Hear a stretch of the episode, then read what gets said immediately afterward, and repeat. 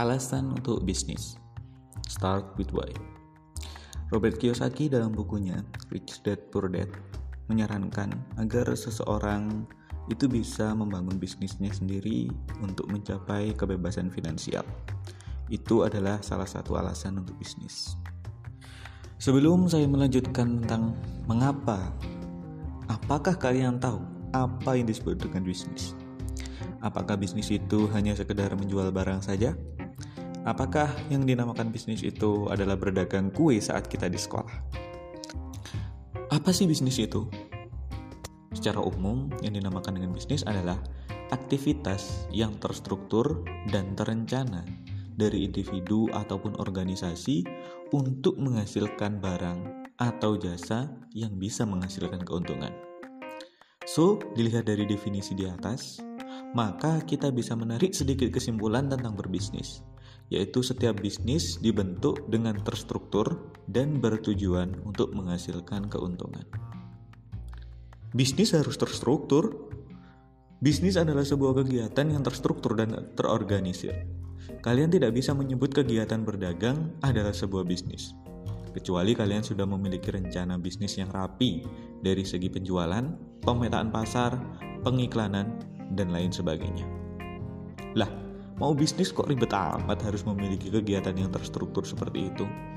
Memang seperti itulah yang disampaikan oleh Robert Kiyosaki.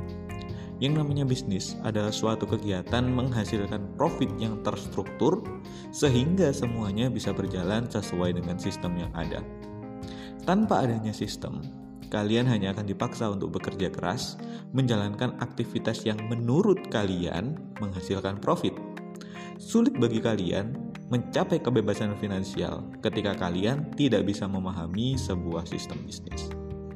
So, jika tidak terstruktur, bisnis kalian hanya akan menjadi parasit yang menghabiskan waktu kalian untuk berpikir bagaimana cara mendapatkan keuntungan tanpa sistem yang jelas.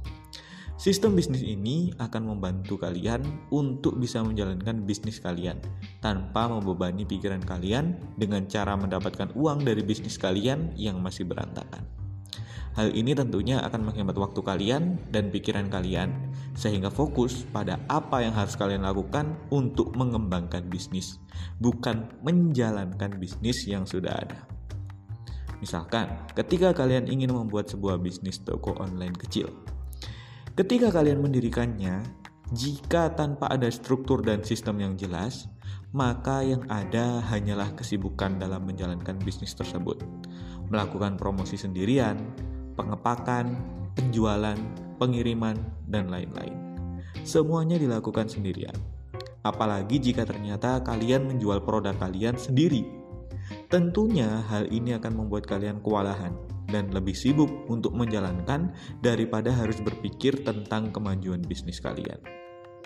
Semakin besar toko kalian, maka kalian akan semakin sibuk untuk menjalankan hal tersebut. Puncaknya ketika kapasitas bekerja kalian sudah mencapai batasnya, sehingga perkembangan bisnis kalian hanya akan jalan di tempat dan rentan sekali dengan kebosanan. So, masih ingin untuk berbisnis tanpa menggunakan sistem yang jelas? Jangan ragu untuk menggunakan orang lain. Manusia adalah sumber daya bisnis yang paling besar. Mereka adalah sumber daya yang bisa menghasilkan keuntungan yang sangat signifikan, kreatif, inovatif, dan bisa memberikan solusi terhadap berbagai macam permasalahan. Bisa dibilang bahwa manusia merupakan salah satu aset yang paling penting untuk bisnis kalian dan merupakan salah satu mata rantai yang paling berguna dan signifikan dalam sebuah sistem bisnis. Mungkin Anda bisa membuat sistem bisnis yang serba otomatis, tetapi Anda masih membutuhkan manusia untuk membentuk sistem tersebut. Sebagai seorang mahasiswa informatika, saya benar-benar bisa menjamin bahwa kalian tidak bisa membuat sistem tersebut tanpa bantuan orang lain. So, bisa dibilang bahwa sumber daya manusia ini sangatlah penting untuk kemajuan bisnis kalian. Meskipun begitu, bukan berarti manusia ini menjadi sebuah aset yang paling berharga daripada yang lain. Ada berbagai macam kendala dan masalah berat yang akan muncul ketika Anda tidak bisa memanfaatkan manusia sebagai sumber daya. Kekuatan utama yang sekaligus menjadi masalah utama dalam manusia adalah kemampuan berpikirnya. Kalian bisa memaksa mesin untuk melakukan sesuatu, tapi kalian tidak bisa memaksa manusia untuk melakukan sesuatu yang melanggar nilai dirinya. Manusia dianugerahi kemampuan berpikir yang membuat mereka bisa mengatakan tidak ketika kalian meminta mereka untuk melakukan hal yang tidak mereka sukai. Kalian tidak bisa memaksa manusia untuk terjaga setiap malam memantau bisnis kalian atau bekerja selama tujuh hari seminggu hanya untuk membuat kalian senang. So, apa yang harus kalian lakukan untuk menangani sisi lemah sekaligus berbahaya dan sumber daya yang paling berharga ini? Alasan untuk bisnis, manipulasi, dan inspirasi. Ada dua buah strategi untuk bisa mengatasi kelemahan manusia di atas, yaitu manipulasi dan inspirasi. Kedua hal ini mungkin terdengar sangat berbeda, tetapi jarang ada orang yang bisa membedakan dan mempraktekkan dua hal ini secara terpisah. Kali ini saya menggunakan pembahasan yang ada pada buku yang berjudul Start with Why yang bisa kalian lihat reviewnya di blog Mesti Baca.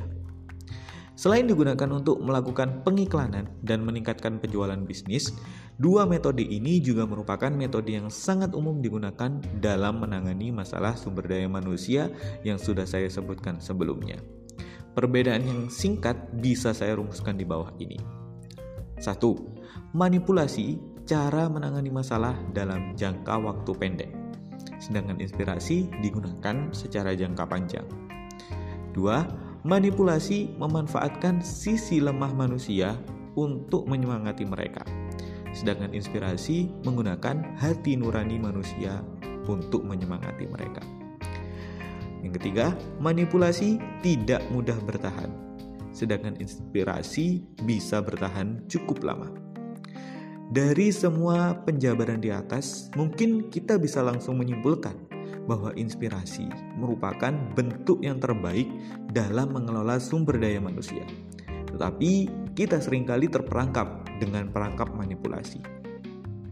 Dalam bukunya Start With Why, penulis mengemukakan beberapa hal yang merupakan strategi promosi yang begitu umum, tetapi hanya bersifat manipulasi semata sehingga gagal untuk mendapatkan kesetiaan pelanggan. Di antaranya, harga, promosi, rasa takut.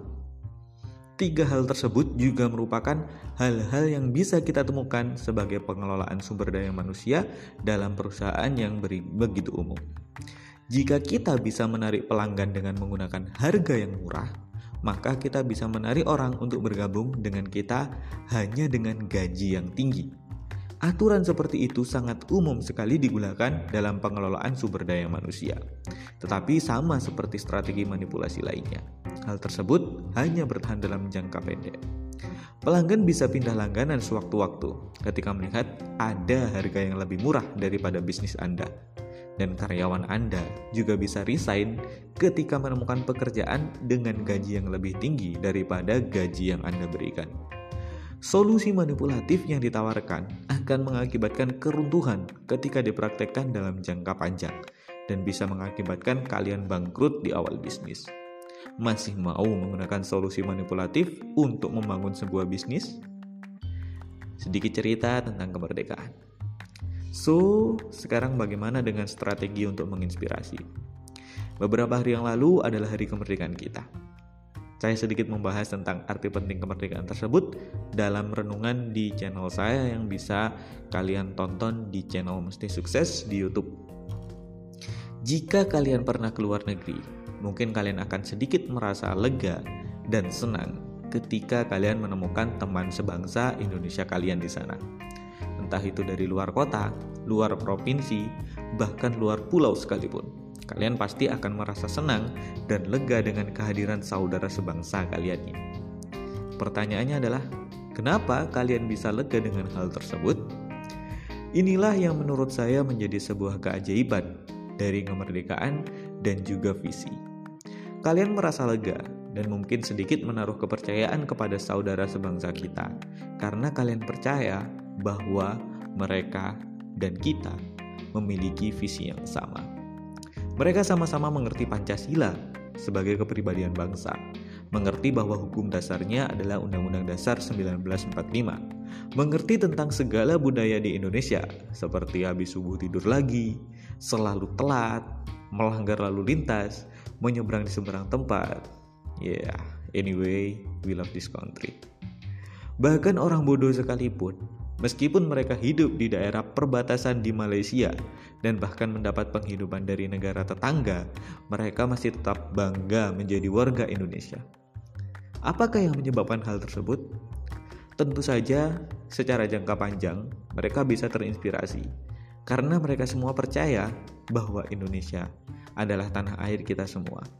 Sebodoh apa pun rakyatnya, selama apa pun telatnya, sekorup apa pun pemerintahannya, hatiku tetap pada Indonesia. Super sekali bukan kekuatan dari inspirasi ini.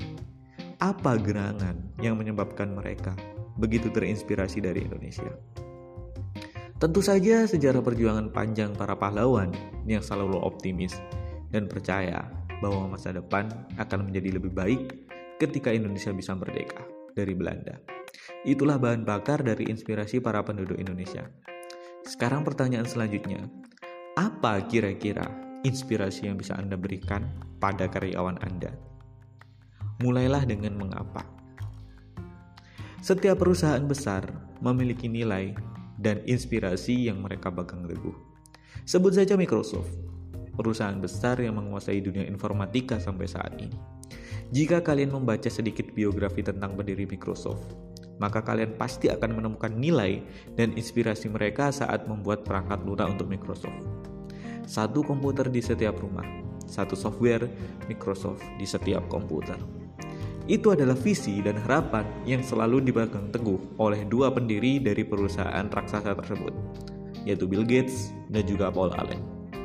Berawal dari garasi dan klub pemrograman, Microsoft menjelma menjadi perusahaan raksasa yang meraup banyak sekali keuntungan, sampai banyak orang iri sehingga membajak perangkat mereka.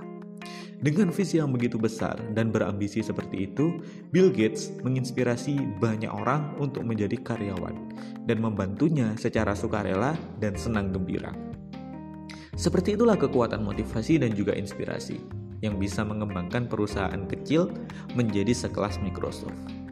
So, sekarang pertanyaannya, jika Anda ingin membuat bisnis, apa alasan Anda untuk berbisnis? Apakah Anda hanya ingin mencari profit semata? Atau Anda ingin populer? Apa pun alasan Anda untuk berbisnis, carilah sekarang. Tanpa ada alasan untuk berbisnis, bisnis Anda akan hampa, kosong, dan kemungkinan besar akan terjebak dalam strategi bisnis yang manipulatif. So, carilah mengapa Anda ingin berbisnis.